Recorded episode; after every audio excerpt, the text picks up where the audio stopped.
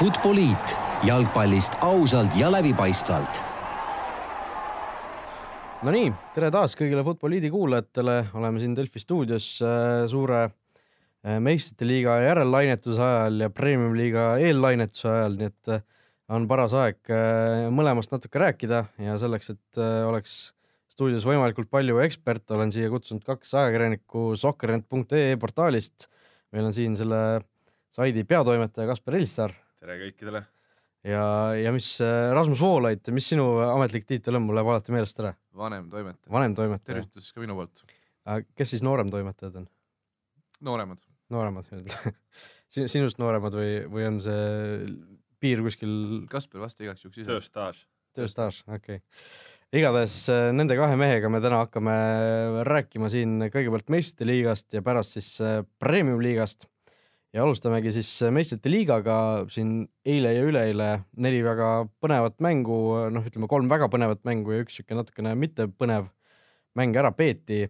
alustame teisipäevast reaalajaks, Real läks sellele mängule kaks-üks eduseisus aga sai kodus siis üks-neli lüüa Amsterdami Ajaxilt. no Kasper, ma ei saa jätta äh, ei jäta sinult küsimata, sinult kui Reali fännilt, et äh, noh, klassikaline tunne, mis tunne oli? klassikaline küsimus, mis tunne oli? Äh, pettumust valmistav, aga samas äh, üldsegi mitte liiga üllatav, sest ma ütlen ausalt, ega tollest päevast alates, kui Santiago Solari on seda asja vedanud, et ega mul on isiklikult puudunud usk sellesse Äh, lootsin juba eelmise aasta lõpus, et äh, hiljemalt äh, veebruarikuuks on ta klubi eesotsast läinud, sest noh, oli näha, et sellise suhtumise ja stiiliga ei jõua ka Euroopas mitte kuskile, siis nüüd tõsi, aasta alguses korraks nagu hakkas lubama, et mehed nagu võtsid juba jalad kõhu alt välja ja isegi mängiti jalgpalli, aga noh, tõsi, see oli vaata et võib-olla kolmeks-neljaks mänguks ja, ja pärast seda äh, Äh, on läinud nii, nagu kõik juba teavad, et äh, äh, selles suhtes mõnes mõttes juhtus ju see, mida suur osa jalgpalliüldsusest lootis, et kõik olid juba väsinud sellest Realist, kõik lootsid ajaks edule ja, ja kuigi Real ju nii-öelda esimese kohtumise võõrsil võitis, siis sellest hoolimata ikkagi loodeti imele ja see ime sündis, et noh, ma arvan, siin tõesti Solarit võib pidada mõnes mõttes Reali hävitajaks, noh muidugi taustal on seal ka Florentino Perez on ju, kes üldse kogu selle kammaja on käima tõmmanud, aga aga noh, kui sa kohe alguses äh, tuled meeskonna juurde ja hakkad seda lõhkuma ja just seda ta ju ka tegi, kui ta järjest noh, ütleme, et ikkagi heitis kõrvale mehi, kes on olnud Reali edu aluseks noh, alustame siin äh, Marcelod, äh, Iskod ja nii edasi, on ju. noh, muidugi, ta andis mingitele noortele võimaluse, näiteks on ju tänu temale Vinicius Junior äh, sai oma tähelennu, sest Julen Lopetegi käe all see noor brasiillane ei saanud üldse võimalust. aga noh, ikkagi, kui sa, kui sa jätad sellise kaliibriga mehed kõrvale, võtad neilt ära isu, me teame, et äh, sellises meeskonnas ja klubis nagu Real Madrid äh, peab treener olema eelkõige hea mängijate selline manageerija, mida oli Zinedine Zidane suurepäraselt. aga tema sellega hakkama ei saanud, äh, noh, piltlikult öeldes lasi meeskonna põhja ja, ja siis hakkas imestama, et huvitav, et miks tulemusi ei tule, et selles suhtes kõik loogiline ja ma arvan, et jalgpallisõbrad üle maailma praegu rõõmustavad, et mul endal küll oli teisipäeva õhtul kurb natuke olla, aga aga eks on juba ju neid tiitleid võidetud ka. ma vaatasin isiklikult seda esimest Real Classicut, mis nüüd oli sellest kolmesest seeriast esimene ja enne seda vist oli Atletico mäng just, mille Real võitis, et jumala hästi panid järjest kaks mängu, Atletico mäng oli vist, noh, seda ma ei näinud, aga tundus, et oli korralik ja see Barca vastu mängisid päriselt hästi, aga jäi üks-üks viiki, tõsi, aga aga mis siis pärast seda veel juhtunud on, et äh, ei ole nagu, on uue, uus, nagu oli juba tõusulaine, aga nüüd uuesti on nagu langus? noh, see tõusulaine ongi selline noh, psühholoogiline asi on ju, et äh, vahepeal ju tõesti korraks tundus, et Real on ka liigas näiteks ju Barcelonale järgi võtmas ja siis nüüd vot peast seda jalgpalli nii palju, et ma ei mäleta, kellega see liigamäng oli, äh, kus mindi alt.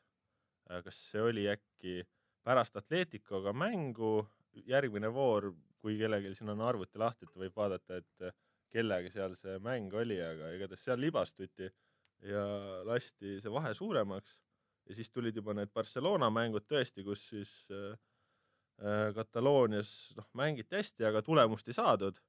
ja noh, kui Real mängib hästi ja ta ei saa tulemust, siis äh, löövad asjad äh, kõikuma ja noh, nüüd võibki öelda, et nädala ajaga, noh viimase nädalaga siis on Real väljas nii karikast kui, kui meistrite liigast ja noh, liigast ka põhimõtteliselt. liigast ei ole mõtet juba rääkida isegi. Vä- välja kukkunud päris ei ole, aga tõesti tiitliheitlus on äh, kadunud. no Rasmus, sina minu teada Reali fänn ei ole. siuke poolkõva, natuke isegi nii-öelda mööndustega olen, Hispaanias olen. jah, ütleme jah, Barcelona ja Reali võrdluses ka ütleme, mina pooldan Reali, aga, aga ütleme see no sellegipoolest, noh, see ajaks on nii äge võistkond, et, et seda oli lust vaadata lihtsalt. ei muidugi, ma ise ka mõtlesin, et noh, et eluaeg olen nagu nii-öelda natukene Realile pöialt hoidnud, et kuidas ma vaatasin seda mängu, mõtlesin lahti, mõtestasin lahti enda jaoks, et viiskümmend viis, nelikümmend viis, pigem olen Reali poolt, aga no kõik need asjad, mis seal järjest juhtuma hakkasid, siis äh, mitte üldse, üldse absoluutselt ei olnud kurb meel. väga kurb meel oleks olnud siis, kui see üks nii-öelda Varri värav oleks lugemata ja see oleks minu arust olnud nagu jalgpallile erakordselt kahjulik, no see oli, oleks no kuidagi nii vale olnud, et see tuuakse seal pool tundi see olukord tagasi ja võetakse see üks out ära, mis, mida vist ei suudetudki ära tõestada, et see sada protsenti oli out'is ja sellepärast jäi lugemata, eks. No ega ta ei olnudki ju yeah.. pall oli, ütleme, et küll palli maad puudutav osa oli üle joone, aga palli äär oli kindlasti. Jaa, ei, tundus küll niimoodi, ei olnud küsimustki. jah, mulle ka tundus, et pigem, pigem nagu ei olnud, aga noh, see jällegi me ei näinud seda sellist konklusiivset kaadrit, ütleme siis. see on nüüd on järgmine asi, et tuuakse joonetehnoloogiad nagu absoluutselt ümber väljaku nagu kõik need, kõik need meetrid ära Jah. aga miks mitte, onju, lõpuks, lõpuks me ilmselt siukest asja näeme, et äh, jooned ise on mingisuguse tehnikaga tehtud ja siis kui pall läheb üle, siis kohe tuleb kohtunikule signaal, aga, aga noh, me ei ole rääkinud äh, äh, mehest, kes äh,, kes jättis meelega selle mängu vahele, et olla veerandfinaalis tagasi, Sergio Ramos, no totaalne jobukakk, noh, olgem ausad. no ma natukene praegu ikkagi kahtlen äh, selles, et kas ta jättis meelega vahele, et äh, kui seda olukorda vaadata, kus ta selle kollase kaardi sai, siis nagu jah, ta läks viga tegema, võib-olla, aga mitte nagu kaarti võtma, et äh, noh, kui me, ma tean, meil oli toimetuses äh, chatis oli ka kohe, kui see äh, mingi teema oli, et aa, et kas Ramos võttis meelega asja, siis ma ütlesin, kuule, mängu vaadates on täiesti võimatu, et ajaks oli sealt rünnakule pääsemas, kaitsjana ta lihtsalt ajas keha vahele, et see ei olnud selline, see ei olnud selline koht, et ma nüüd võtan omale kollase kaardi, et kui sa tahad kollast kaarti, et siis Ramos oskab nagu natukene elegantsemalt ka neid asju teha, et, et selles suhtes ma olen siin jah, natukene teises paadis ja ma pigem, pigem ma arvan, et teda natukene tõlgendati valesti, et no ajakirjanikena me teame küll, kuidas ja kui lihtne on äh, neid asju natukene kontekstist äh, välja võtta, et äh, noh, selles suhtes jah, see noh, muidugi, et kas sa pidid tol hetkel vea tegema, aga noh, kui sa seis oli selline ja, ja vastased olid äh, tõesti keskväljakul, see viga ju tehti keskringis sisuliselt, et äh, seal see kollane noh, anda. Ma, arvan, kindlasti see ei olnud see, et, et ta läks sealt, et ma nüüd võtan omale kaardi, et mitte järgmises äh, noh, et järgmises mängus saaks puhata, et ma arvan, see ei olnud kindlasti see olukord.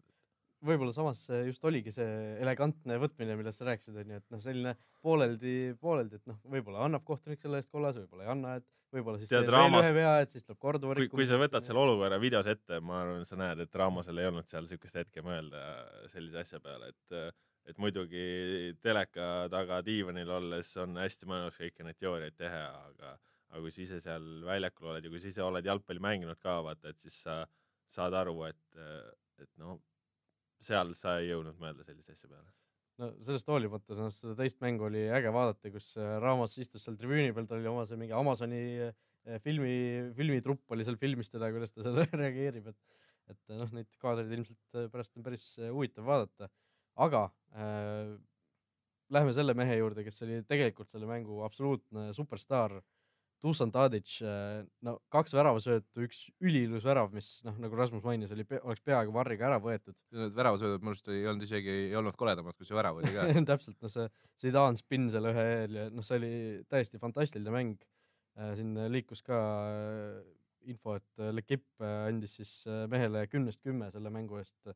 äh, vist kaheksandat korda ajaloos üldse, et äh, kümnendat korda ajaloos üheksandale mängijale. jah, niimoodi. Messi on kaks korda saanud. Messi on kaks korda saanud jah, et, et noh, see ja see tunnustus on lihtsalt noh, see on nii suur, sest äh, seda, seda kümnest kümmet lihtsalt ei antagi.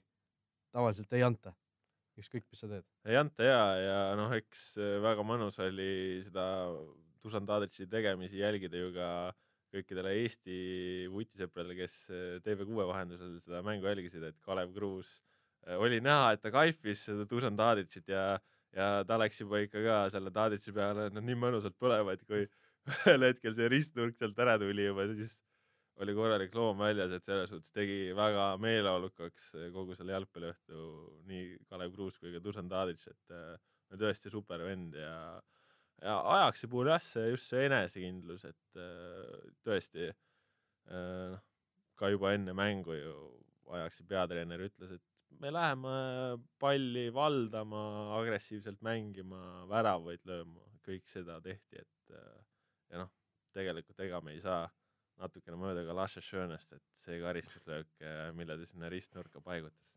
uskumatu, uskumatu. Ronaldinholik võiks lausa öelda, kes siin kaks tuhat kaks natuke mäletavad natuke teisest kohast, aga, aga mõneti sarnane. aga noh, see Tadic'i varri olukord, noh, tekkiski minul see küsimus, et kui kaugele me peaksime tagasi minema, et kui ajaks oleks seal, noh, see pall oleks sealt ära päästetud audist, oleks seal, ma ei tea, minut aega söötu mänginud siis läinud, oleks seal kolmkümmend sekundit söötu mänginud, oleks kümme sekundit söötu mänginud, kus, kuskohast see piir läheb, et see, vot seda on jah raske öelda, et kus see piir läheb, aga antud olukorras noh, et kui siin äh, Rasmus ka enne ütles, et võetakse pool tundi tagasi, siis noh, antud juhul ju tegelikult see ei olnud, et see oligi rünnaku algus. Konkreetselt määratletav rünnaku algus, kus pall oli minemas out'i, see päästeti väljakule, sealt kiiresti viidi pall värava ette ja, ja tuligi värav, et selles see oli mingi viisteist sekundit, kümme sekundit äkki no nii palju ei olnud, ma arvan. nii palju vast ei olnud jah, et viiekümne vahel. ja et sealt päris kiirelt see pall sinna rünnakule läks, et, et võib-olla ongi, et kui, kui sa määratled ära, et äh, tollest momendist äh, oli palli teekond värava poole, et siis seal noh, aga noh, ongi, et eks mida see varr vaatab ja mida hindab, et äh, eks nad ise teavad paremini. just nii, no samal ajal toimus teine mäng Tottenham Dortmund või Dortmund Tottenham niipidi, siis Tottenham võitis üks-null, sai kokkuvõttes neli-null edasi. ütleme aja kokkuhoiu, kokkuhoiu mõttes ei ole ilmselt mõtet sel mängul pikemalt peatuda, kui kellelgi on veel mingi ega mõte sellest mängust ei ole mõtet rääkida jah, seal kõik on lihtne, et Harry Kane lõi värava vist ja jah, vist täpselt, põhitähelepanu läks reaalajaksile äh,. Aga tuleme siis eilse õhtu juurde. võtame esiteks äh, selle mängu, mis, mis lõppes natuke varem, sest seal lisaajal ei, ei läinud, kuigi see kohtunik andis neid üleminuteid nii palju, et äh, peaaegu see üks lisaaja esimene poolaeg olekski seal täis tiksunud. BSG, Manchester United, no Raul, football bloody hell onju. Raul, ma küsin sinult, mis tunne on? kuidas sina küsitletava rollis jah? jah, et äh, no minul oli väga, väga sihuke äge tunne tegelikult, sest äh, ma kusjuures nagu sel hetkel, kui seis oli kaks-üks, kuskil kaheksakümmend minutit oli mängitud, mul oli millegipärast sihuke tunne, et noh äh,, nagu kui ma Joeliga mänge kommenteerin, siis me alati ütleme, et see üks võimalus ikka tuleb, onju, üks sihuke saja, sajaprotsendiline tuleb. Ja no ei tulnud tegelikult aga, aga see värav ikka tuli, et noh, Unitedil oli kogu mängu peale kaks võimalust, nad olid kolm väravat, et no täiesti. kaks võimalust, mõtled Lukaku väravaid või? Need olid, ei olnud is- isegi võimalused, need olid kingitused noh, see põhimõtteliselt esimene eriti onju, noh see ja teine oli Buffoni teine kingitus. oli jah, Buffoni kingitus, et see, et see noh, United ei väärinud nagu selles mõttes mitte kuskilt, mitte mingi nurga alt edasipääsu, et, et nad olid selgelt äh, paremuselt teine meeskond platsil. BSG valdas palli, kontrollis mängu, aga no mis sa teed, kui siuksed asjad ikkagi lõpuks tulevad? no parimas mõttes meelelahutuslik mäng, et ma eile vaatasin seda ja, ja oli kogu aeg just see tunne, et no neutraalse jalgpallisõbral no super vaatamine, et kui juba mängu alguses Rumelu Lukaku näitab, et ta on ikkagi jalgpallur ja, ja tõesti, ta on ju viimasel ajal nii heasse soosse taas äh, sattunud, et see on no imelised asjad, mida see Ole Gunnar Solskjaer seal äh, Unitedis korraldanud on, et tõesti eile ka ja noh, siis see Buffon, et ta eksib sellise koha peal, selline legend ja siis on tal lõpus võimalus veel see penalt ära võtta, aga ta ei saa, sest see Rashfordi löök on nii hea. no seal oli nii palju draamat, nii, nii palju draamat ja siis kuidas veel üleminutitel David De Gea tuleb nii ebaõnnestunult väravast välja, ei saa pallile pihta, värav on tühi ja noh, siis ka need BSG vennad mõtlevad, kas ma nüüd lasen selle Zendersi kasti või mitte.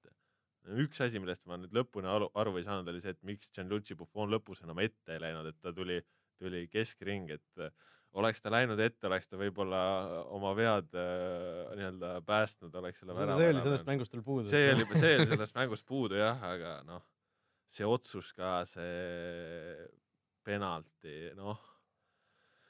jah, oli, käsi oli lahti jah kehast, aga noh, see on siuke, see on siuke asi, et äh, no ilmselt tea, kui oleks varri olnud, siis ma oleks näinud seda kordust korra, ma oleks ko- korra mõelnud, et no.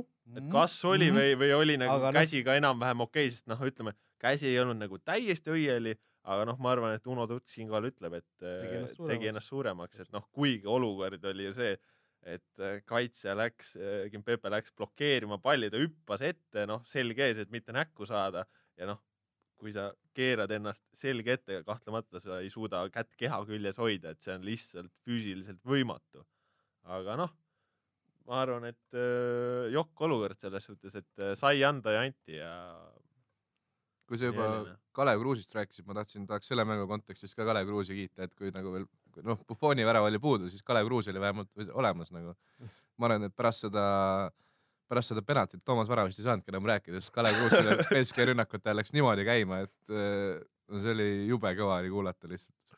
pani mitmeminutilise tiraadi hingamata põhimõtteliselt, see oli täitsa, täitsa super ja täitsa muidugi sürmäng ka, Raul, sina kui kohtunik, palun vasta sellele ka, et kui antakse kolm üleminutit, olukord võttis kolm minutit aega, siis miks me üheksakümmend pluss kümme selle mängu ära lõpetasime ei? no selles suhtes on ju Rasmus ka lihtne, et äh, üleminutid, lisaminutid on alati minimaalselt, seal on alati see sõna ees minimaalselt jah, no,, see on see minimaalne noh, kui sa aeg. annad kolm minutit minimaalselt äh, ja sa ei mängi seitse minutit tegelikult, et noh. ei noh, selles suhtes ütleme, et seda ju Varri vaadati ei, ma jälgisin ka umbes üheksakümmend pluss kakskümmend alustati sellega, üheksakümmend kolm, kolmkümmend umbes oli penalti, ehk see oli natuke üle kolme minuti võttis see jah kogu asi, aega jah., ja aga, aga kuus minutit tuli otsa veel sinna.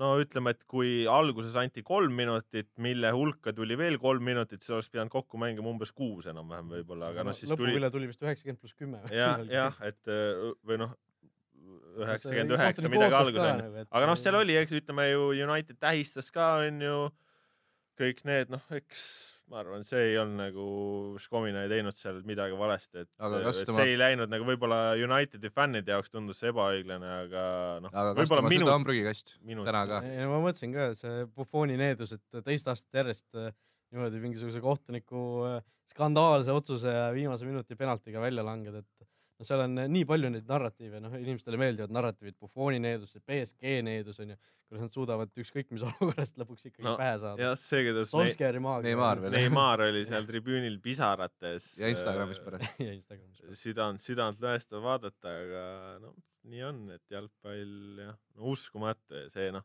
Papel ju kuldsed võimalused see asi ära otsustada, no ei saa seda palli võrku, noh. muidu teed kõiki imeasju ja, ja siis ei saa ja, ja tõesti, ma arvan, selle mängu olulisus ka Unitedi jaoks näitas see, et kui see lõpuvile kõlas, siis tõesti United oleks tulnud nagu maailmameistriks, et eh, noh, ei tulnud ju, aga aga vot seda see tähendas neile, sest äh, nad on olnud sellises augus ja nüüd justkui mm, pärast seda, kui juba kõik oli maha munetud, said nad uue võimaluse, et äh, jalgpalli jumal teeb ikka imelikke asju vahel jah. Di Maria ka veel muidugi Unitedi fännidele, kuidas ta eelmine mäng äh, tähistas ja nii mõndagi sinna tribüünile saatis, kui ta selle hea nurgalöögi pani ja nüüd siis kuskil tehti. oli juba mingisugune meem, et äh, Di Maria kadunud, et viimati nähtud Old Traffordil. viimati näete Old Traffordil õllepudel näppes. et, et no tõesti fantastiline mäng selles suhtes, noh, mul ei ole üldse, üldse isegi halb meel, et et see oli ainus mäng, kus minu ennustus siis täide ei läinud. ma, ma pean rõhutama ka siinkohal, et äh, mina ennustasin Ajaxi edasipääsu nii enne kui pärast esimest mängu, nii et eks sa lootsid lihtsalt avantüüri teha, ega sa südames seda ei mõelnud? ei, ma mõtlesin küll, ausalt mõtlesin. Ajax on noor meeskond, mulle väga meeldib see ja, ja see oli, see oli kaalutletud ratsionaalne valik. keegi Reali mängijatest, Carvajal vist ütles, et nemad on ka noor meeskond mm.. Kaspar, kuidas sa sellega nõus oled? No kui sa võtad sealt võrrandist äh, mingisugused Modricid ja Ramosed välja, siis no miks me võtame nad välja? ei no kui ei no Lasse Schöne on ju ka kolmkümmend, pluss ja Dusan Tadic, kui vana Dusan Tadic on. on vist. ja Tadži kolmkümmend ja vaatasin eile järgi. täpselt sama noored, et äh, Vinicius Junior ju no tema, tema on täiesti noor. no, äh, Lorente, et noh, pole ju nüüd igivana, et Real on ikkagi viimastel aastatel pigem muutunud nooremaks.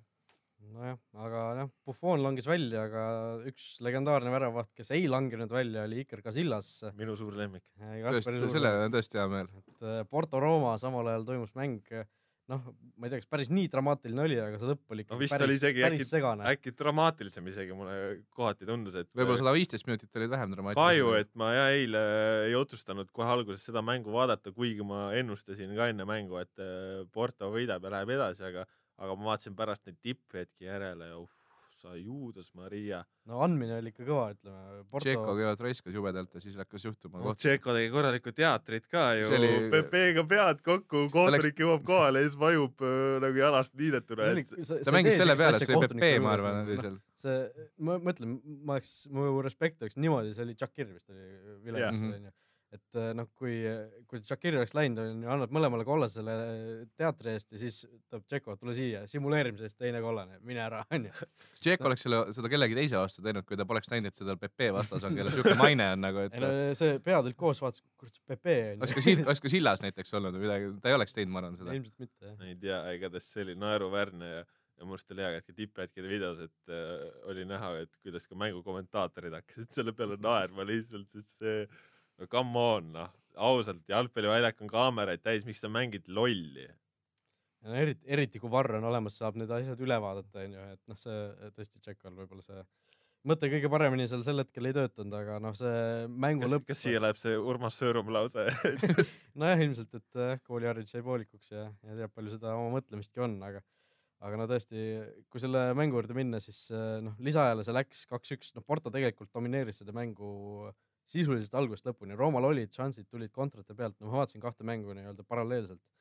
et äh, Porto vääris edasipääsu, aga no see lõpp oli, see lõpp oli ikka nii kahtlane, no sa annad ühe varri sellise väga siukse hetkelise särgi tõmbamise eest onju, noh, annad ühe penalti siis varri abiga Porto kasuks, teisel pool kaks minutit hiljem äh, tõmmatakse tagant äh, kossi, mees kukutakse, kukutatakse no, maha. tõmbamine on vist seal nagu vale, et ütleme Selle Rooma mängija jalg läks No,, läks vastu lä- kaitse no. oma, aga seal jah, vist, vist läks. kas see on jah, see särgi tõmbamine on sada protsenti, seda kõik nägid, aga kas seal teises olukorras oli kontakt, äkki tal oli no, oma no ma veel oli- vahet vahetult, Mina ei- mina ei vahetult enne siia tulekut ma veel vaatasin spetsiaalselt seda olukorda kordades nii palju, kui ma nagu suutsin, et et noh, tundus, et ta jalg võis minna kaitsesääre marja vastu riivamisi no,. pigem ta aga- läks, sest sa ei kuku ise ilmselt niimoodi Jah,, kui kui sa just ei plaanigi sealt äh, mingisugust penaltit jah, aga noh, siis seal oli ka see uus hetk, et kas see oli kastis sees täpselt mitte. see pigem oli ka pigem, pigem, pigem sees, saa jah. olla, ta kukkus aga- nagu välja kastist, aga see kontakt oli sees, aga noh, no ma, ma tõesti arvasin, et sealt antakse ka penalt. ma arvasin ka, ma arvasin ka no tõesti. see, mina esimest korda vaatasin, mõtlesin, et mis siis, et siin ei olnud ju midagi, aga kui ma Mhm. hil- kauem vaatasin, siis no, et võib-olla. aga noh, see ongi see varri asi, et neid penalteid ja asju ilmselt hakkab rohkem tulema, onju. aga, aga mina olen, mina olen tõesti nüüd lõpuks olen Marri puhul selles osas rahul, et no see nii-öelda arutlus ja ei ole kuskile kadunud, et ikka on arvamused nii seinast seina, et äh, super selle eest, et vähemalt seda osa ei ole jalgpallist ära võetud. draamat on ju rohkem. praegu jah on, sellepärast on, et kuna justkui peaks olema kõik õiglane ja siis ikkagi ei ole, et siis äh, selle, selle nurga alt on äh, emotsioonid võib-olla isegi veel võimsamad, jah.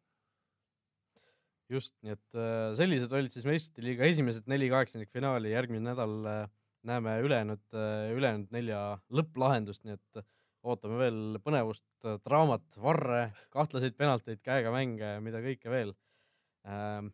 aga läheme, läheme edasi, võtame ühe kiire vaheteema ka täna ja, ja see kiire vaheteema on siis selline, et Saksamaa koondise peatreener äh, Joachim Löw äh, teatas siis, et loobub äh, kolme sellise teeneka mängija teenetest Saksamaa koondises vähemalt praeguseks Toomas Müller, kakskümmend üheksa aastat vanust, Jerome Boateng kolmkümmend ja Mats Hummels ka kolmkümmend, nii et ikka suhteliselt selline julge otsus, ma ütleks. no minu arust nii lihtsalt ei tehta, et miks, miks, miks, miks on vaja teha seda jah? et sa paned lihtsalt mingi pressiteate üles äh, keset hooaega, noh, ütleme jah, koondise mängudeni on ju veel ka mõned nädalad aega, et sa lihtsalt ütled, et ma neid vendasid ei võta nagu, et mis mõttes, miks sa ütled niimoodi, et äh, nad on maailmatasemel mängijad, sa oled Saksamaa koondisega läinud rämedalt alt ja siis noh, okei okay,, et tee oma verevahetus, siis tee, aga noh, miks sa pead ütlema, et sa neid vendasid nagu lihtsalt ei võta enam, et noh, võib-olla siin oled, kaotad äh, suvel Eesti koondisele, saad kinga ja pärast seda tuleb uus treener, tema võtab nad igal juhul, et, et miks sa tuled ütlema, et nemad mehed enam ei mängi enam koondises, et noh,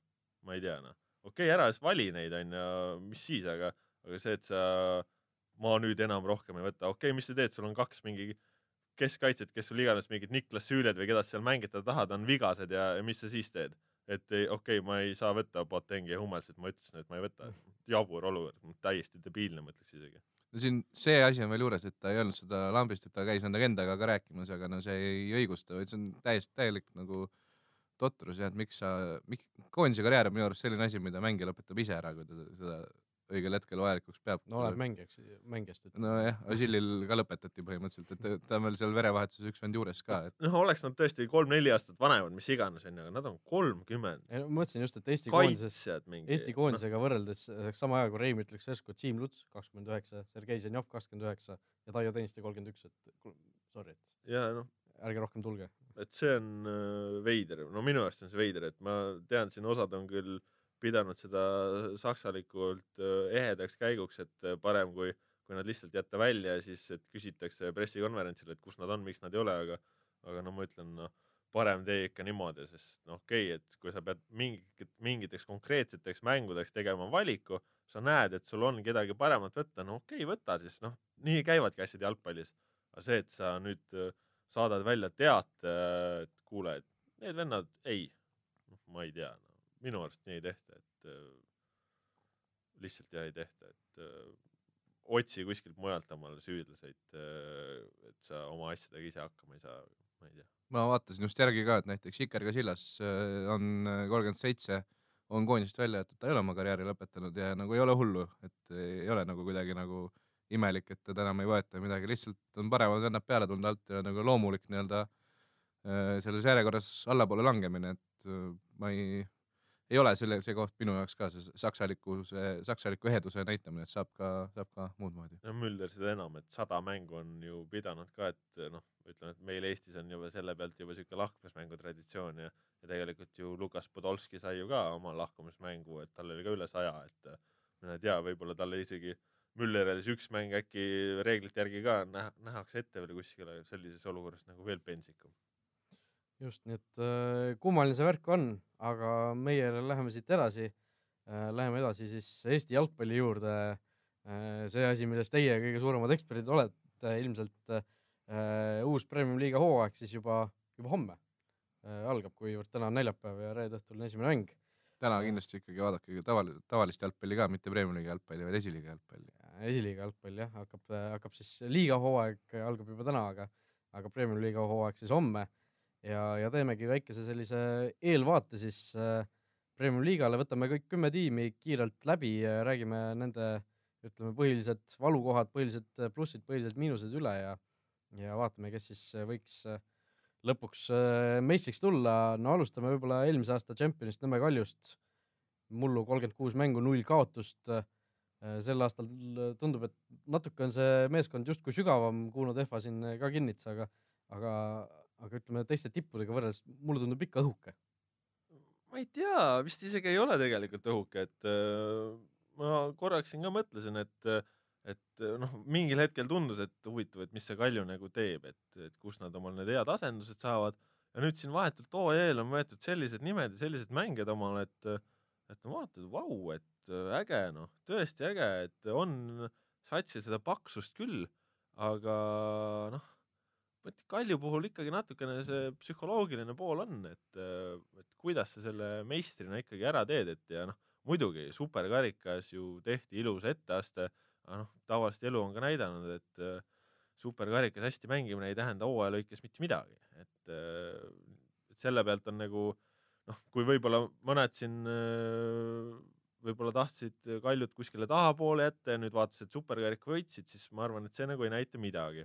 Aga noh, laias laastus Kalju puhul minu jaoks kaks varianti, et äh, kas teevad ajalugu ja tulevad uuesti meistriks või siis jäävad kolmandaks, et ma niisugust äh, keskteed teist kohta ei näe, et äh, ja noh, arvestades siin kõiki neid euromängude suurt rolli ja ja ikkagi ma arvan, et Kalju puhul mõjutab nüüd ka see, et et kui sa oled aastaid mänginud õhukese koosseisuga, sul on kujunenud välja väga kindel põhikoosseis ja nüüd on mingid mehed, kes siin äh, paksus koosseisus ei saa enam nii palju mängida, kui nad on harjunud. et see psühholoogiliselt võtab teatud määral enesekindlust ära, et et noh, näiteks on ju Floral on kogu aeg olnud paks koosseis, noh, niivõrd-kuivõrd on ju noorte näol, et siis nemad on harjunud sellega, et on rotatsioon ja et on vahetus ja, ja see mänguaeg jaotub kuidagi, aga Kaljus, noh, mingid mehed on ikkagi harjunud väga mängima ja, ja kui talt võetakse see mängukindlus ära, siis noh, enesekindlusele see ei pruugi parimat asja teha ja selle pealt noh, natukene võib nagu skeptiline olla, et, et jah, ma, ma näen, et Kalju puhul on kaks varianti, kas meister või kolmas koht.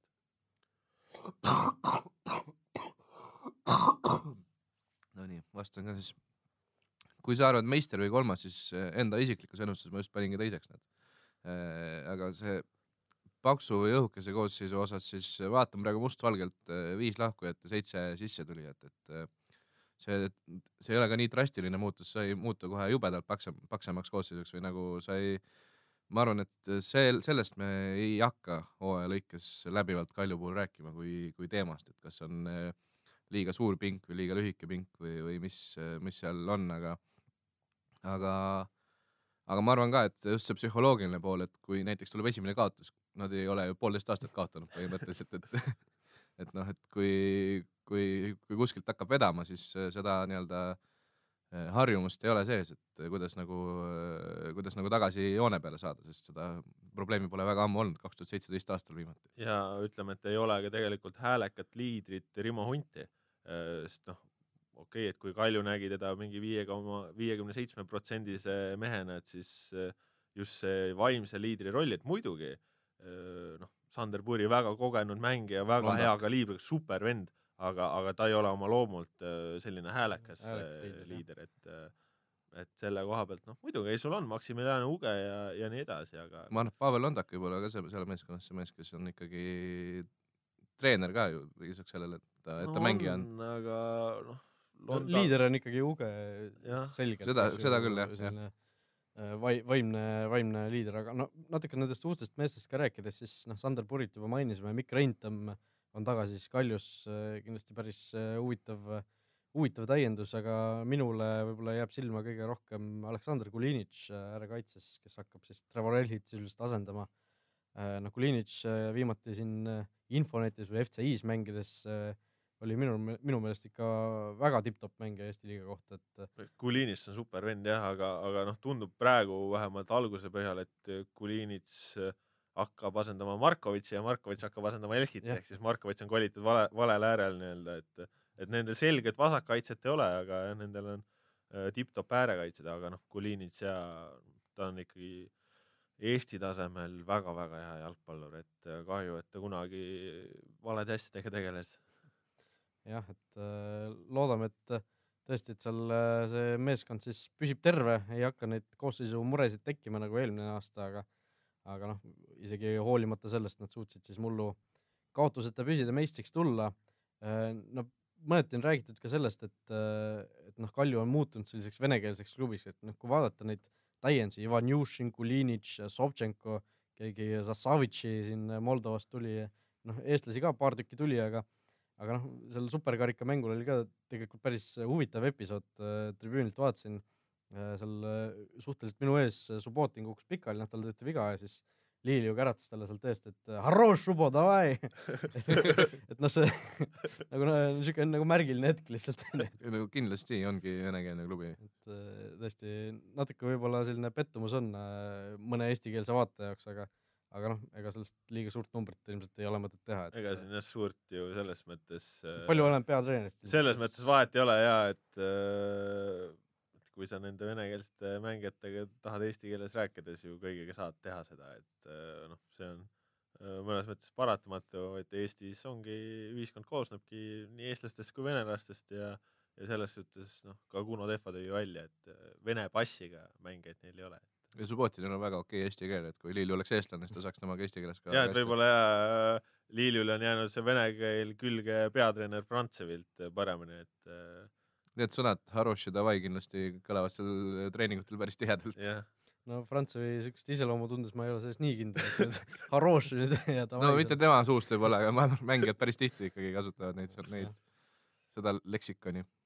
igatahes äh, teine klubi, kes võib-olla ajaloolisemalt on äh, natukene äh, noh, mitte venemeelsema, aga siukse vene klubi äh, äh, mainega olnud, on FCI Levadia. mullu siis viimase vooruga sai endale teise koha, käisid selle hooaja eel taas Soojamaa laagris, on siin äh, teist hooaega järjest nüüd Aleksandr Rogitši käe all äh, ette valmistunud, no Rasmus, sina just värskelt Levadia kohta sellise suure loo kokku panid, no mis sinu hinnang on, mis, mis seisus nad on hooajal, kas nad tulevad sel hooajal kindlalt meistriks, nagu siin mõned arvavad, Kihlve kontorid ka eeldavad, et, et nemad on need, kes meistriks tulevad või, või on äh, ikkagi, võib ähvardada seesama asi, mis juhtus eelmine aasta? tundub küll praegu kuidagi väga hästi siin see asi, et mul äh, endal ka on nad soosikud ja Rogic on seal seda asja nüüd saanud ehitada, see kogu kaader liigub tema nii-öelda taktikepi järgi suhteliselt kindlalt, tundub ka, et selles suunas nagu Rogic ise tahab, et see asi kõik tal läheks, et äh, tema on, tundub rahul.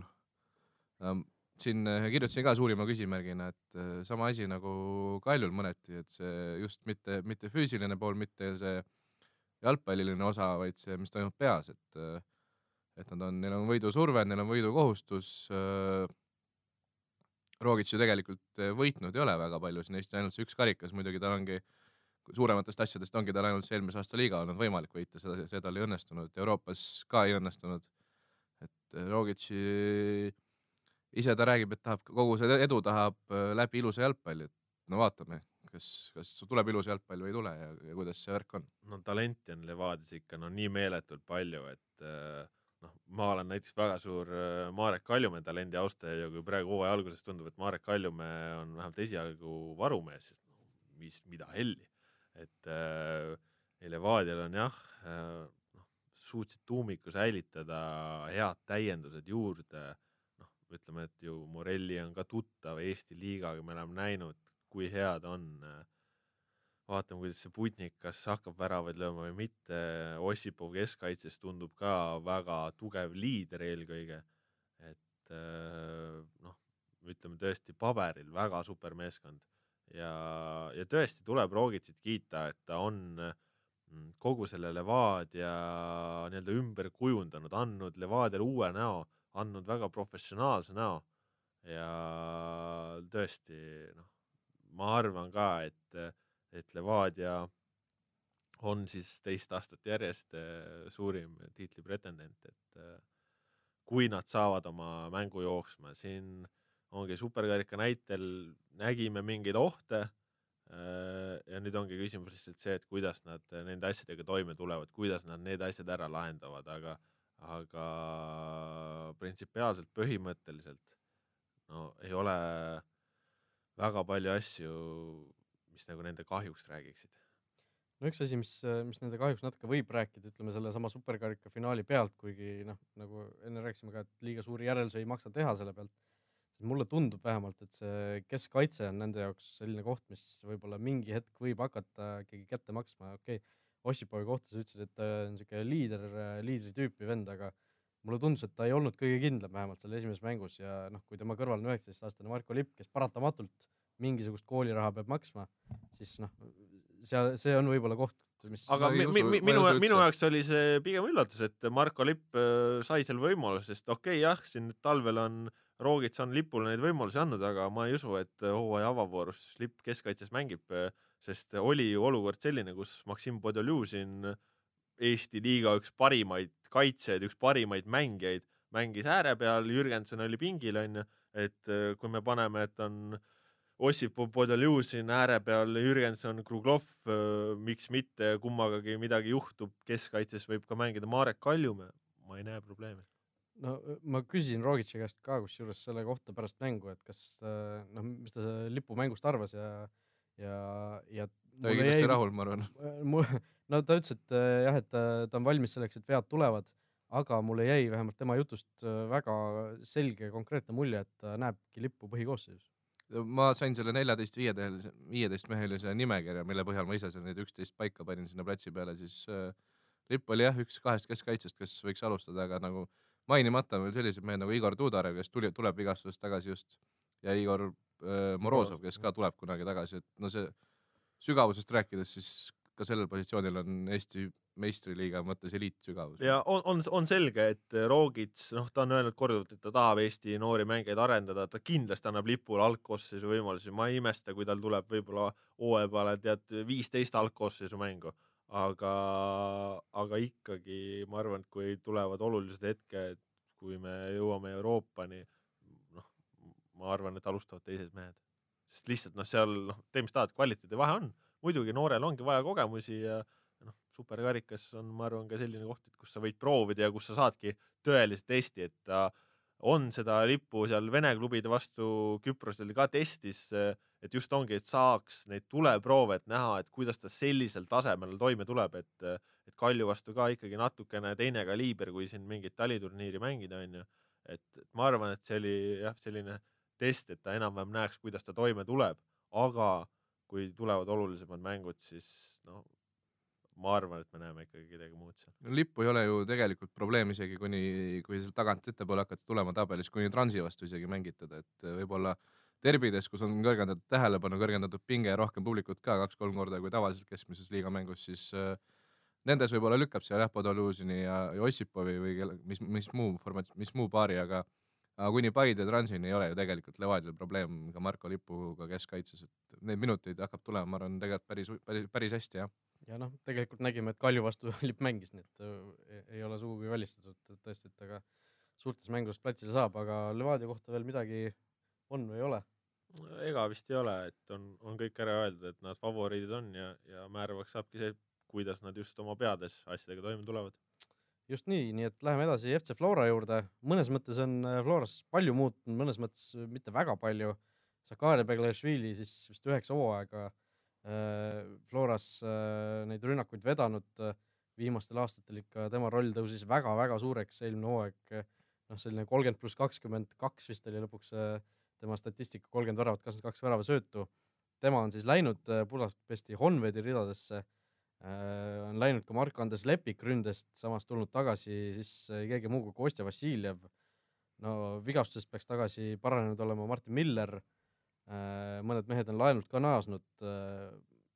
no kust sealt pihta hakata üldse, et äh, no hakkame võib-olla sealt ründest pihta, et Lepik on läinud, Zappinen ei ole enam äh,. no Erik Sorga saab ilmselt oma suure võimaluse.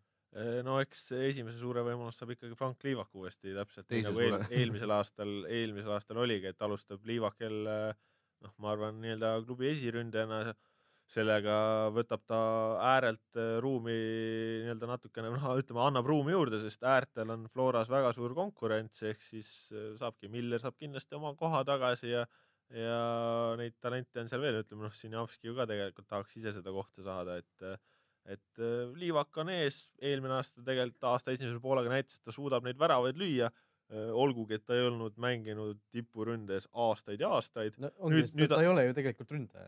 no noorena ta on olnud, vaata, et äh, selles suhtes äh, ma arvan, et Eestis ta suudab neid väravaid lüüa ja, ja ongi noh, nagu ka me oleme treeningmängudes praegu näinud, et äh, ühel hetkel toimubki lihtsalt mängus see vahetus, kus Liivak viiakse äärele ja ja tuuakse ette Sorga, kes on ka näidanud ennast äh, väga hea ründajana, et äh, noor realiseerib hästi, tugev löök, nahaalne, et äh, ma arvan, Floral väravate löömisega küll probleeme ei teki, et eelmisel aastal Sapineni lahkumise järel oli ju samamoodi, et kes nüüd neid väravaid lööb, sa võid täpse numbri öelda, aga, aga premium-liigas Murs Flora lõi tugevalt üle saja värava, nii et see, see ei saa nende jaoks küll küsimus olema. Sorga ja Liivak on selles suhtes teineteist veits täiendavad ründajad ka, et Sorga on selline puhas, puhas ründaja, puhas väravalööja, väga hea, väga hea ninaga ja Liivak on võib-olla just need asjad, mida, mis Sorga puhul on olemas, Liivakul seal tipuründes võib-olla noh, tulevad võib-olla tagasi kunagi, kui need tal olnud on, aga aga ta ei ole, ta ei ole selline tüüpiline väravalööja, nagu on Zappinen või Sorga või või noh, selline suurepärase ninaga, ninaga, ninaga realiseerija, annab seal muid käike juurde. No keskväljal Kostja Vassiljev on tagasi, noh eelduslikult äh, suures osas mängudes siis sellel Saka positsioonil, mõnes ilmselt ka natuke allpool seal number kaheksa peal. Herol Riibergi arvati, et äh, noh, nüüd kui Saka läks, et nüüd on siis tema, tema aeg, tema aasta. aga tutkit, no tutkit natukene jaa, aga mulle ikkagi on jäänud mulje, et nad üritavad Florast ka äh, Herolile anda nii palju aega kui võimalik, et äh, varem ongi olnud ju tihti probleemiks see, et Herol ei ole Florast saanud päris võimalust. ja, ja mulle tundub, et ka isegi Kostja äh, saabumise järel nad üritavad äh, leida seal seda balanssi, et Herol saaks mängida, saaks tõestada, sest äh, ta on veel noor, ta on väga talendikas ja ta on ennast premium-liigas äh, tulevikus tõestanud. ehk siis noh, Flora on selles suhtes ikkagi ju klubi, kes üritab töötada pidevalt selle nimel, et müüa mängeid välismaale ja Herolil kahtlemata on see potentsiaal, et, et see asi ära teha. ja, ja selleks, et seda teha, on tal vaja äh, Äh, mängida minuteid ka tippklubis ja, ja Flora kindlasti leiab talle aega, et äh, äh muidugi tal olukord läks oluliselt palju keerulisemaks, sest noh, tegelikult me ju talvel oleme näinud ka seda, et Martin Miller on mänginud ka uuesti keskel, seal, kus ta mängis Tartu Tammeka päevil, äh, just sel samal põhjusel, et ääre peal on konkurents nii tihe ja, ja Vlasisinjavski tahab jubedalt seal mängida ja, ja väärib seda, et äh, ma arvan, et me Floras näeme sellist äh, korralikku rotatsiooni ja, ja nagu Jürgen Hetten, äh, Flora peatreener ka mulle ütles, et äh, et kindlasti ei tasu ette hakata protokolle välja printima, kus kostja nimi on esimesena kirjas. jah, aga noh, kui me enne siin meeskondade sügavustest rääkisime, siis noh, Flora puhul see tõesti on noh, põhimõtteliselt võiks kaks, kaks meeskonda. kaks premium-liiga võistkonda algkoosseisu küll väljakule panna ilma probleemide ette. kui ma vaatan kasvõi siin noh, äärte peale, okei okay,, seal on noh, seal Alliku, kes me pole veel maininud, seal on no, Alliku, Allikut me ei maini, sest ta on kindel algkoosseisu mees, seal ei ole nagu varianti ka, et Alliku ei mängi. Kuussev tahab ka veel võimalust. Kuussev tahab võimalust, no Henri Järvelaid võib-olla, jah, Henri Järvelaid võib-olla on seal natuke allpool äh, aga noh, temagi on põhiliselt, põhimõtteliselt ääremängija. Henri Järvelaid vist sel aastal tundub, et on esivasak kaitse äkki no Lillanderiga jah, seal nipet-näpet ma ka Henni käest üritasin äh, küsida tema eelistust, et kuidas tal seal on ja ütles, et mõlemad on nii võrdsed, et seal ei saa välistada, et kord on äh, nii-öelda Westman all ja Piibemann äh, peal ja, ja siis vastupidi, et seal tundub, et hakatakse ka seda aega jagama, sest noh, mõlemad on ennast premium-liigas tõestanud mängijad.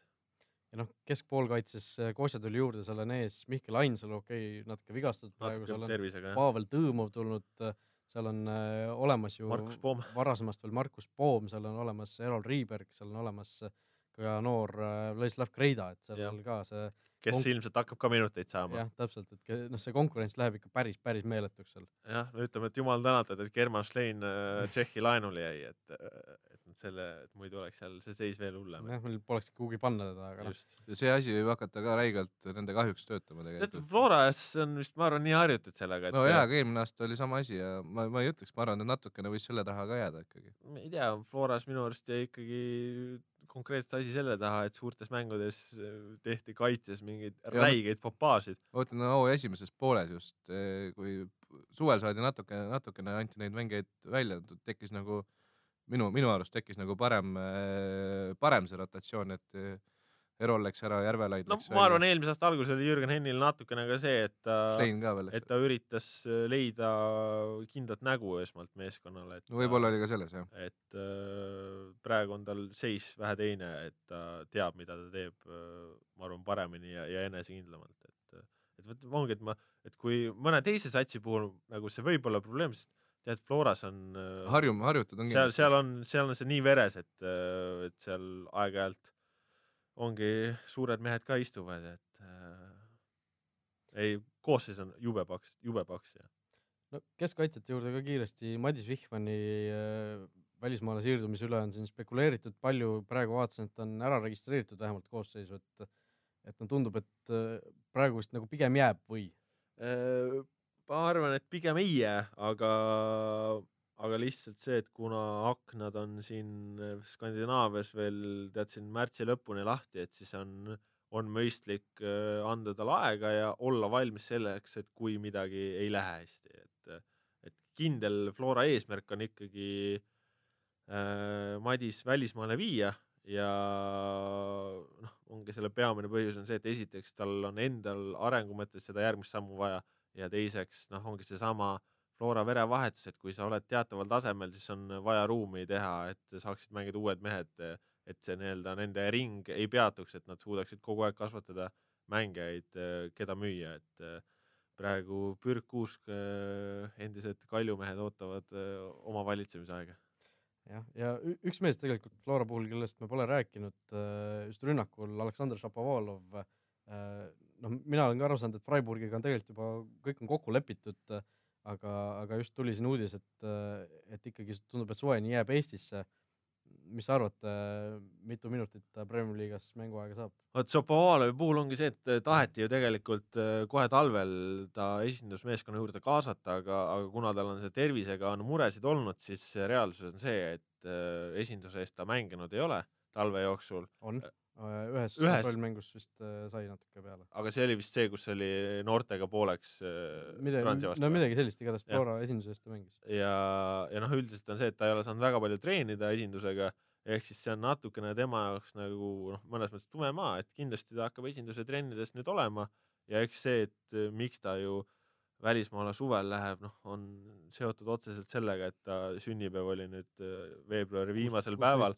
ei, kakskümmend kaheksa, sorry. jah, et kakskümmend kaheksa sai ta kuusteist ja noh, üleminekuaknad, kui me vaatame just Saksamaa poole, et siis jaanuari lõpuga on need asjad kinni, et et seal ilmselt sellised juriidilised põhjused lihtsalt, et, et miks ta suveni jääb ja, ja noh, kui sa küsid, palju minuteid saab, no kindlasti vahetusest saab, aga, aga noh, seal on ka teisi tahtjaid suveni kakssada minutit võib-olla.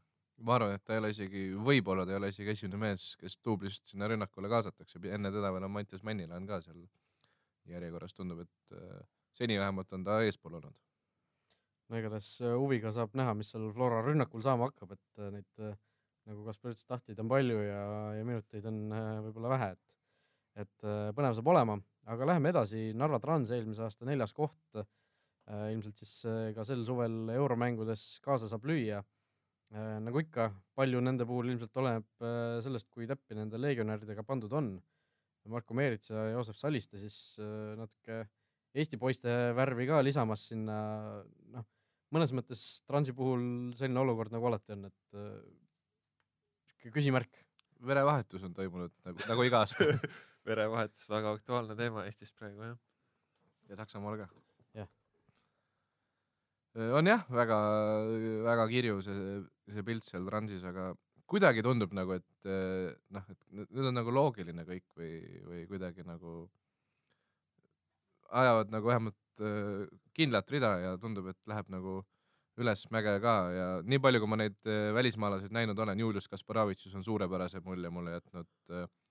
McWoods tundub asjalik äh, ja, ja siis need äh, Meerits Saliste ja Nesterovski, kelle puhul äh, on täpselt teada ka, mida, mida, mida Trans saab, et no Transi jaoks suurim küsimärk on minu jaoks peatreener Dmitri Kalašnikov, et ta on, et ongi, et kas ta hakkab tulistama või mitte, et Eesti jalgpall on tal natukene võõras ja ütleme, et kui Trans oleks siin jätkanud Senkes Kanni või, või siin ka kellegi eelnevaga Kuzjajeviga onju, Kuzjajeviga, et siis äh, noh, siis ma nagu ei kahtleks, et seal kvaliteeti on ikkagi meeletult, et peatreeneri küsimus ainus minu jaoks, et et äh, Vene satsina noh, kindlasti nendel on nii palju rammu, et ja noh, Transis on ka ütleme, et harjumus äh, suuri hammustada, et äh, just äh, psühholoogiline vahe on nendel siin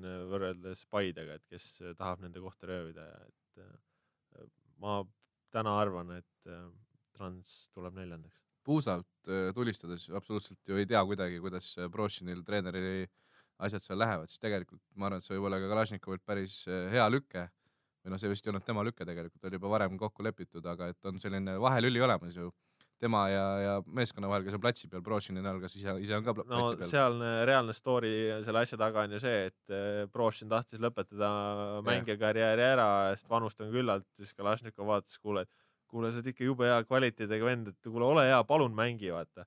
no okei okay,, ma mängin, et äh, lihtsalt äh, Kalašnikov nägi ära, et noh, nii kas see on ikka Kalašnikovi nõud, nõue või soov? jah, Kalašnikov äh, meelitas äh, Brošini mängima, et muidu ta pidi jääma abitreeneriks, aga kuna seal vasakkaitses on natukene probleem olnud, siis oligi Kalašnikov veenis Prošinit, palun mängi, sa oled lihtsalt liiga hea, et sa oleksid tavaline abitreener. Prošin jäi nõus. No mina kuulsin selle Narva ja Flora viimase treeningmängu pealt, et kuigi Flora võitis seal neli-üks, siis Narva oli tegelikult päris, päris hästi vastu saanud, nii et selles suhtes loodame, et nad tõesti ära ei vaju ja, ja natuke seal kaarte segavad, aga noh, tiitli peale ilmselt mitte keegi neid mängima ei oota. eks nad isegi ei oota. jah. aga ma arvan, et see vahe esikolmikuga läheb aina, aina väiksemaks. väiksemaks, just. Paide linnameeskond, eelmise aasta number viis mees, number viis meeskond. no võtmetäiendused, Karl Mööl, Mait Toom kindlasti, kaitse on seal vaja korda saada, eelmine aasta ikkagi äh, lasti seal vist rohkem väravaid sisse kui Tallinna Kalev, kes no eelmisel aastal jah, esimene nullimäng tuli, kui mu mälu ei peta, juunikuus ja nullimänge kokku jäi ühe käe sõrmede jagu, natukene vist isegi vähem, et äh, kaitse on olnud hiiglaslik probleem Paide jaoks ja praegu on vahetatud äh, nii-öelda tagaliinist äh, koos väravvahiga viiest mängijast neli välja, et kindlasti kvaliteeti meeletult lisandunud. minu jaoks lihtsalt küsimus, kas hooaja alguses on nende see uus nelik piisavalt üksteist leidnud, üksteisega klapi saavutanud ja kas, kas see, et on kohe uued mehed, et kas see võtab meeskonna tervikuna selle naiivsuse ära, et äh, natukene olen skeptiline, aga muidugi paberil Paide väga kõva, väga kõva. siin on äh, nii-öelda ühe mündi kaks külge on see, et äh, oleks eelmisel aastal Mait Toom algusest peale olnud neil väravas, ma arvan, need nullimängud oleks tulnud varem juba, sest eelmise aasta alguses oli ka väravat suur-suur probleem Paide linnameeskonnal. ei saanud seal Eili Otti ega ei saanud ka seal äh, Kristjan Tamme, Kristjan Tamme kuidagi alguses üldse minema. Lioti lõpuks sai, oli päris hea tegelikult, nagu me nägime siin suvel, suve lõpus, sügisel. aga teiseks jah, nagu Paide nagu iga aasta jube, see jutt on väga kõva seal kuskil märtsil, et märtsis, et läheme seal transi võtma ja hakkame seal esikolmikule ka aina lähemale minema. aga, aga nüüd tuleb algusest peale minema ka saada stardist, et, et, et see võimalik oleks, et see reaalne oleks, aga kui lihtne selle on teha, kui oled äh, sisse tulnud äh, kaheksa uut mängijat, kellest seitse põhimõtteliselt võiks, võiks juba nõuda kohta algkoosseisus. nojah, ja Paide puhul ikkagi see noh, et kui see KTM reegel kedagi segab, siis Paidet ta segab ikkagi väga tugevalt, et äh, et tänasel päeval isegi Kaljul ei ole enam äh, probleemi selle näol, et kui sul on Reginald, äh, KTM ja nüüd sellest aastast on ka Vitali Teeles, et okei okay,, et kui Londak alustab, siis ta alustab, aga aga noh, siin ei ole ka vahet, et kui see Teeles seal mingid mängud teeb, et äh, et selles mõttes Kaljul see probleem on justkui nagu ära kadunud, aga aga Paidel on ta ikka teravalt üleval, väga teravalt üleval, et noh jah, noh jah, et, et kui Slava saaks mängida kõikide nende meestega, kellega ta tahab, siis oleks kindlasti seis äh, parem, aga, aga no see on ju ainult saa... meile hea, me näeme Neemelat kogu aeg siis võib-olla.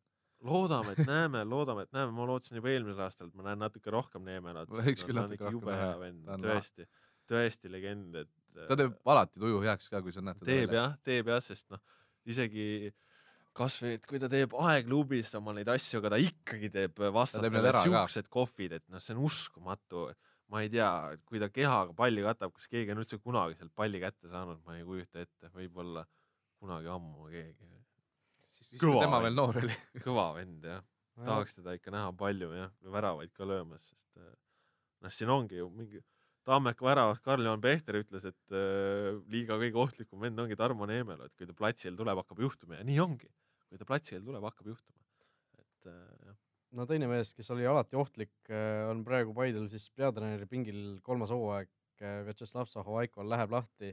no mulle tundub, et temal on ka tõehetk, et kui see neljas koht, kui seda transi ei edestata, siis, siis võib temal ka mingit kööga olla nii mitte nii mustvalge, ma arvan, et kui nad seal näiteks transil praegu jah, Paides nagu usaldatakse teda, et ta nagu on antud see aeg äh, midagi teha, aga tõesti jah, et noh, eks praegu ju investeeringud on, on kasvanud äh, päris suureks äh, Paide jaoks, et noh, Paidest me ju ei räägi enam kui poolproffidest või mingitest asjadest, tegu on profivõistkonnaga.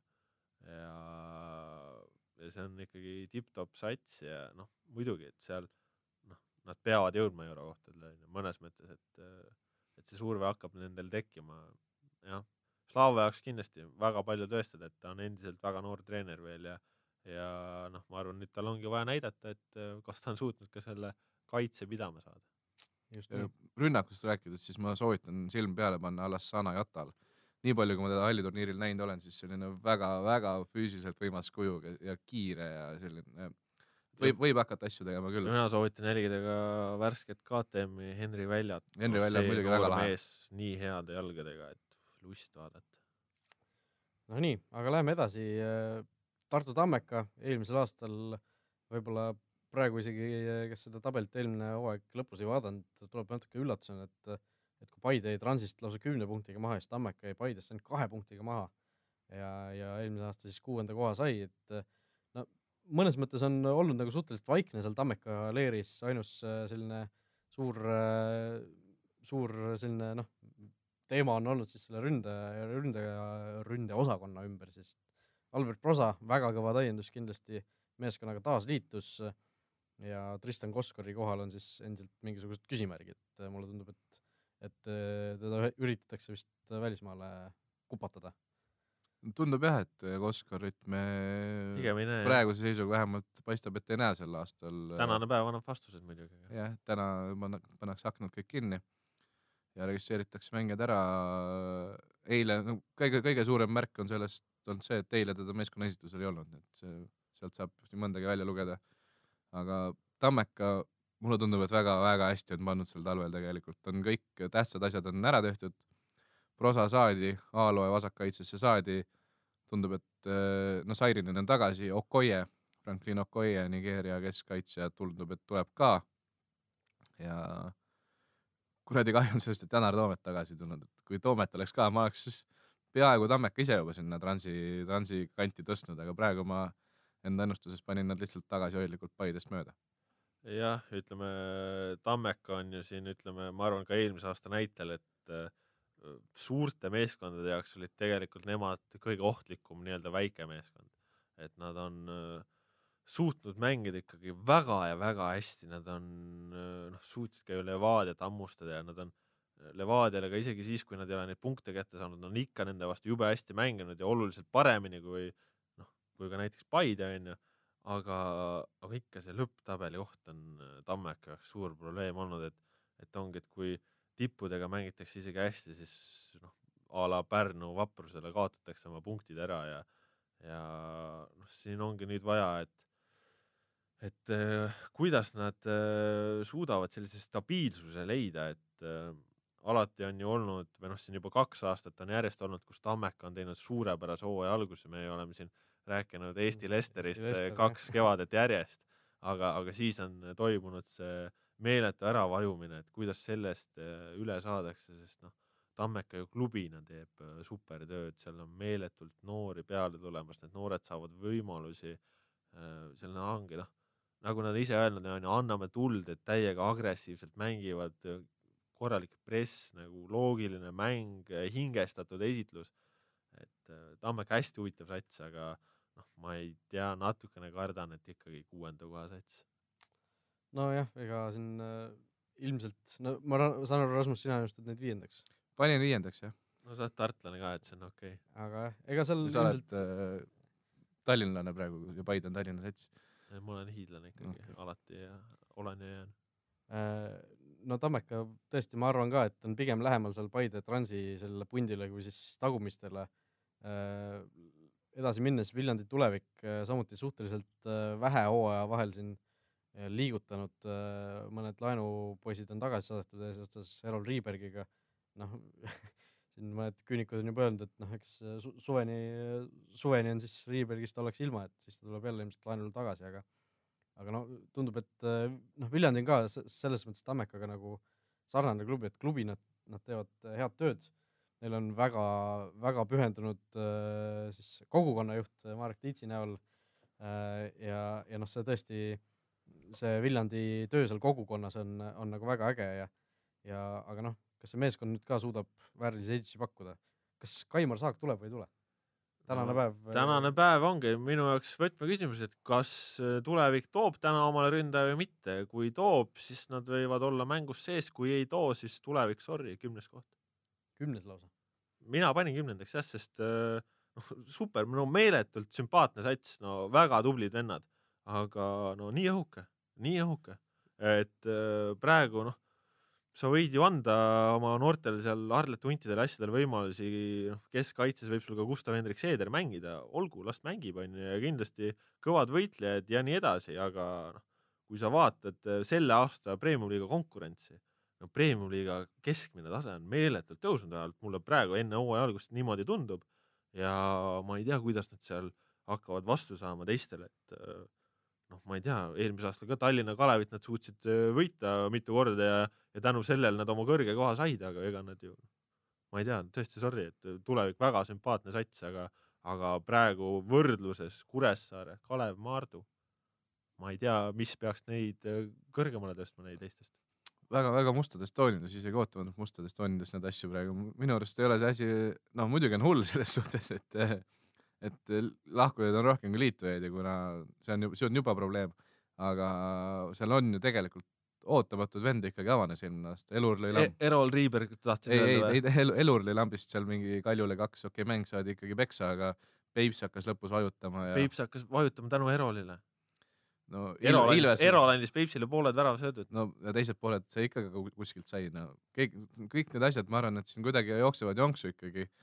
Aga tõesti, see küsimus on, et kui seal pidi olema järjekord ukse taga, okei okay,, seda on selgitatud natukene juba, et äh, tegelikult päris järjekord ukse taga ei olnud, aga neid tahtjaid ju tegelikult on olnud, kes sinna meeskonda ta oleks tahtnud tulla. nojah, samas ma arvan, pooled neist tahtjatest on a la teise liiga mängijad, kes tahaksid võimalust saada, et sellest see on nagu noh, siuke so-so. no aga kas ülejäänud poolt saadi tõesti ainult Mark Edur, Edur laenule no,? tänane päev näitab, tõesti tänane päev mingisugune- näitab, et kui mingisugune- nad, tõesti, kui nad ei ma saa loodan, et mingisugune küb- jänes on veel kübaras kuskil Jah. olemas lisaks Kaimar Saagile tõesti.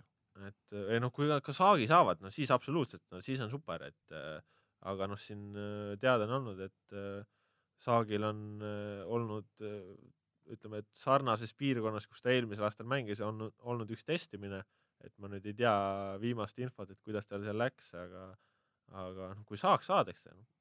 ma ausalt, siis ma öö, tõmban oma tuure maha ja arvan, et nendel läheb ka paremini, aga aga praegu no ma ei näe, et kustkohast nad öö, leiavad omal need väravad, sest noh, kaitse on ka praegu sorry, aga on veits auklikum kui eelmisel aastal, aga arvad sa, et nad ei suuda täna endale kedagi suurklubidest laenule rääkida?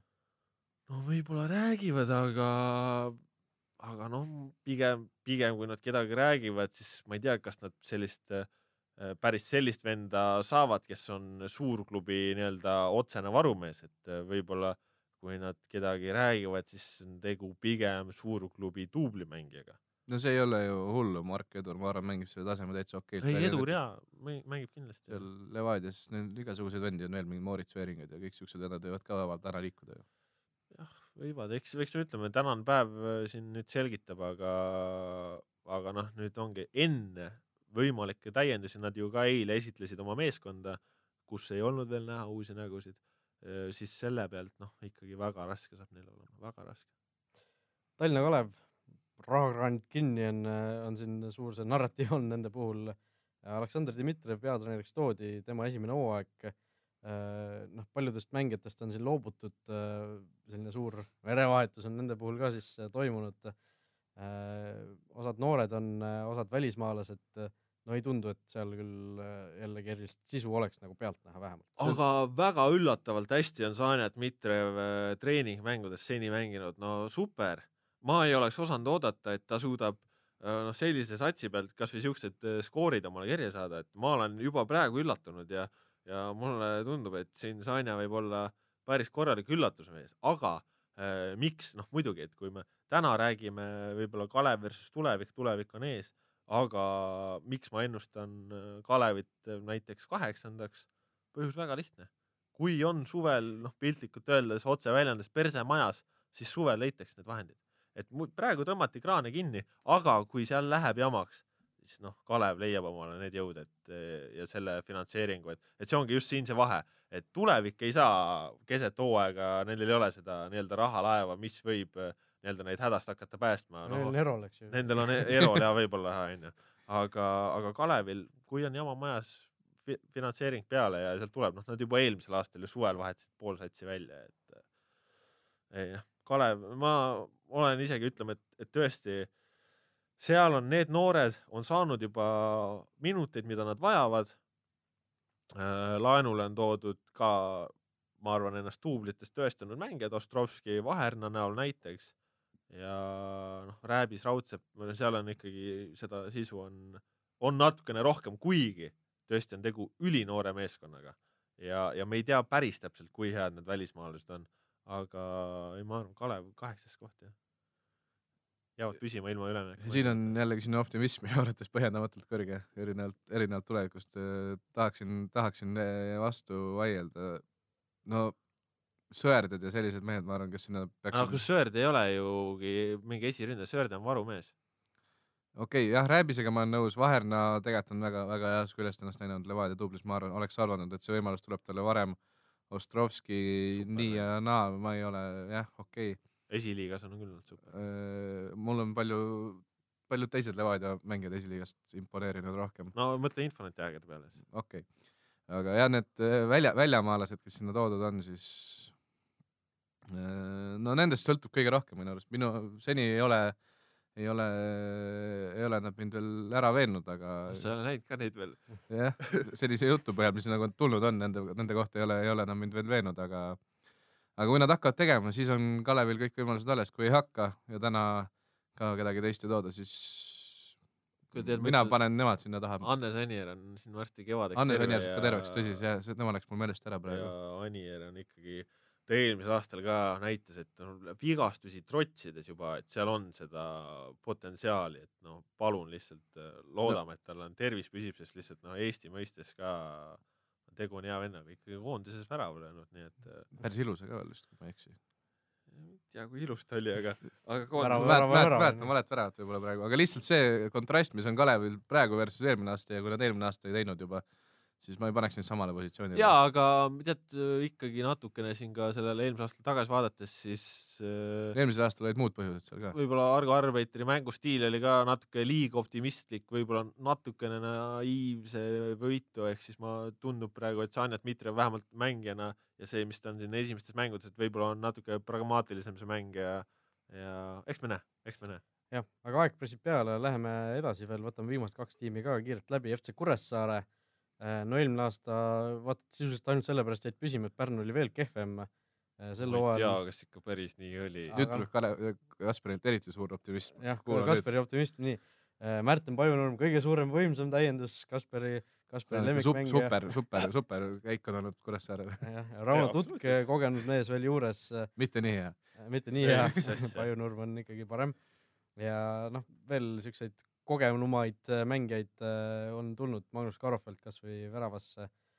tead, mis, mis nende tulijatest rääkida, Sander Laht jäi, see on kõige tähtsam. ei, see on muidugi jah, see on, see on hea ja no 15 Kuressaare puhul, no ei, ei ütle midagi halba, ütleme nii, aga Kuressaare puhul ma arvan, suurim, mitte suurim, aga väga suur äh, faktor on ka see, et sel aastal on, on nad teinud või noh, on nad saanud teinud korraliku ettevalmistuse võrreldes eelmise hooajaga, kus nad siis poole talve pealt said üldse teada, et äh, kuule, see esiliiga kuues meeskond hakkab meistriliigas mängima uuel hooajal, viies tegelikult. või viies, et noh, Get your facts straight. see selleks, aga noh, see, ma arvan, on nende puhul pluss ja noh, Saaremaa see pehme kliima ei ole võib-olla nii palju seda külmunud mätas seal kuskil ja vigastusoht on väiksem ja,. vigastusoht on väiksem, nii et äh, noh, Kuressaare, mina esimese hooga paneks nad kümnendaks, aga kes mulle vastu vaidleb? mina panen seitsmendaks. mina vaidlen ka vastu, ma otsin välja, mis ma täpselt panin. mina panin seitsmendaks. seitsmendaks, nii räägi, sul on minut aega, et põhjendada ennast ja siis saab Rasmus ka sõna.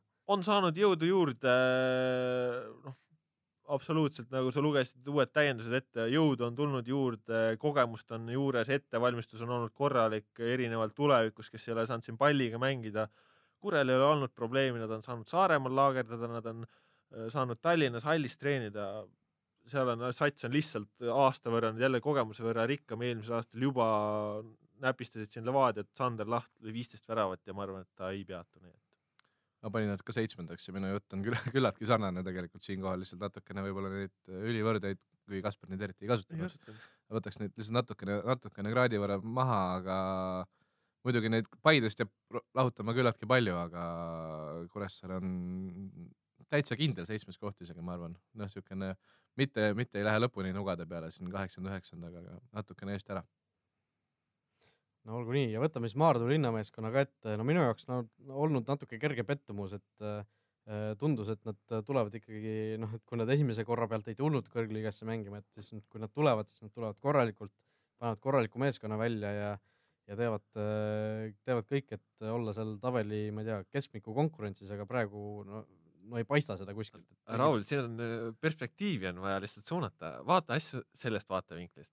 sul on kaitseliinis Deniss Malov, premium-liiga üks kogenumaid mängijaid. ta on minu arust, minu arust on isegi rekordimees, ma kunagi vaatasin välja, et ta on eh, ma ei tea, mitu aastat järjest, ta oli mingi viisteist aastat järjest oli medalil minu arust, nimelt noh, see, see lihtsalt väike fakt Malovi kohta. Äh, Vitali Kuusev, kümme aastat tagasi premium-liiga suurim väravavõit kahekümne kuue väravaga FC Levadias. nii, sul on väga hea ründaja, no esiliigas ka tõestanud supermängija. täiendused, Alger Tšumadil, eelmisel hooajal Tallinna Kalevi kapten. noh, millest me räägime, nüüd toodi kaks jaapanlast juurde, üks jaapanlane Kotaro Amenia käis eelmisel aastal Kalevis testimisel, ei sobinud, aga teine mees, keda me veel näinud ei ole, nimi on piisavalt keeruline, umbes midagi. Jah. et äh, tema on mänginud äh, selles Jaapani klubis, mis kuulub Manchester Unitedile, sealt hakka-, vabandust, City'le, selle akadeemiast läbi käinud. juttude järgi, nii palju kui ma olen kuulnud, pidavat olema nii hea vend, et võib-olla suvel juba lendab edasi. ja noh, vaatad siin keskvälja, Nikita Brõlin, suurepärane ääremängija, Transis tõestanud ennast, väga hästi mängis Transis, Trans tahtis teda eelmisel aastal ka, otsustas äh, Maardu kasuks, lõi esiliigas umbes kakskümmend väravat. keskväljal, kes neid asju seal äh, dikteerib, noh, Ogorodnik Ogorodnikuks, hea aga, aga Ilja Zelentsov, meeskonna kapten, eelmisel aastal üle kahekümne värava. suurepärane mees, väga head standardolukordades, korralik, ta on tulnud Maardust, läbi Maardu ajas kasvanud ja ma arvan, et tema saab olema üks üllatusmees sel aastal. ja Keit pani ta Fantasy'sse sisse vist ka. mina panin ka. noh, kaks venda juba, Kasper, Sokkereti peatoimetaja, Mattias Käit, Eesti koondise põhimängija, pani ta Fantasy'sse sisse. no loodame, aga mis see koht kiiresti on siis, Maardu koht, Rasmus? Maardu koht on üheksas. ma panin ka üheksa jah, aga, aga no ei saa välistada, ütleme Maardul on ka selline natukene see puhver on, et kuigi nad ei tulnud praegu suure hurraaga, siis äh, ütleme, et ma arvan, et seal on võimalik ka seda finantseeringut suvel äh, juurde võtta, kui on vaja. no, no vaatame, ootame, ootame, vaatame, nagu öeldakse. püsima jäävad, ma arvan, järgmisel aastal premium-liigas mängivad, see on kõige parem ennustus. oota, oota, vaata, see on see juhend, mis öeldakse äärekohtunikele suluseisu olukordade kohta. teeme siis seda meiegi eh, ja tõmbame siin vaikselt sellele podcast'ile joone alla lõpetuseks, aga veel Sokkernet, Sokkernetil ka kindlasti suured plaanid uue hooaega, tahate midagi veel välja reklaamida, mida siin, millel tuleks silma peal hoida? no kõigepealt kindlasti mängige Fantasy't, Fantasy mäng on avalik ja, ja tänasega tulevad sinna ka kõik äh, need mehed, kes sealt on seni puudu olnud, et äh, siis enam valikut ei ole, nii et see teeb kindlasti Premium-liigat huvitavamaks, otseülekandeid sel aastal rohkem äh, kui varem. tänasest äh, tuleb ka esimene osa meie videosaatest Silm peale. täna on esimene otseülekanne ka juba. jälgige seda, tänane esimene otseülekanne ja mis siin ka salata, et äh, tuleb ka konkureeriv äh, taskuhääling äh, Futboliidile, nii et Sokkernetis jalgpalli jagub. nii et jah, tõesti hoiame siis Eesti jalgpalli silma peal, meie siit aga praeguseks lõpetame oma rekordpika saate ja täname siin Kasperit, täname Rasmust, et, et, et siin oli teil aega mahti meiega natuke jalgpallijuttu puhuda ja oleme loodetavasti tagasi juba järgmisel nädalal. Futboliit jalgpallist ausalt ja läbipaistvalt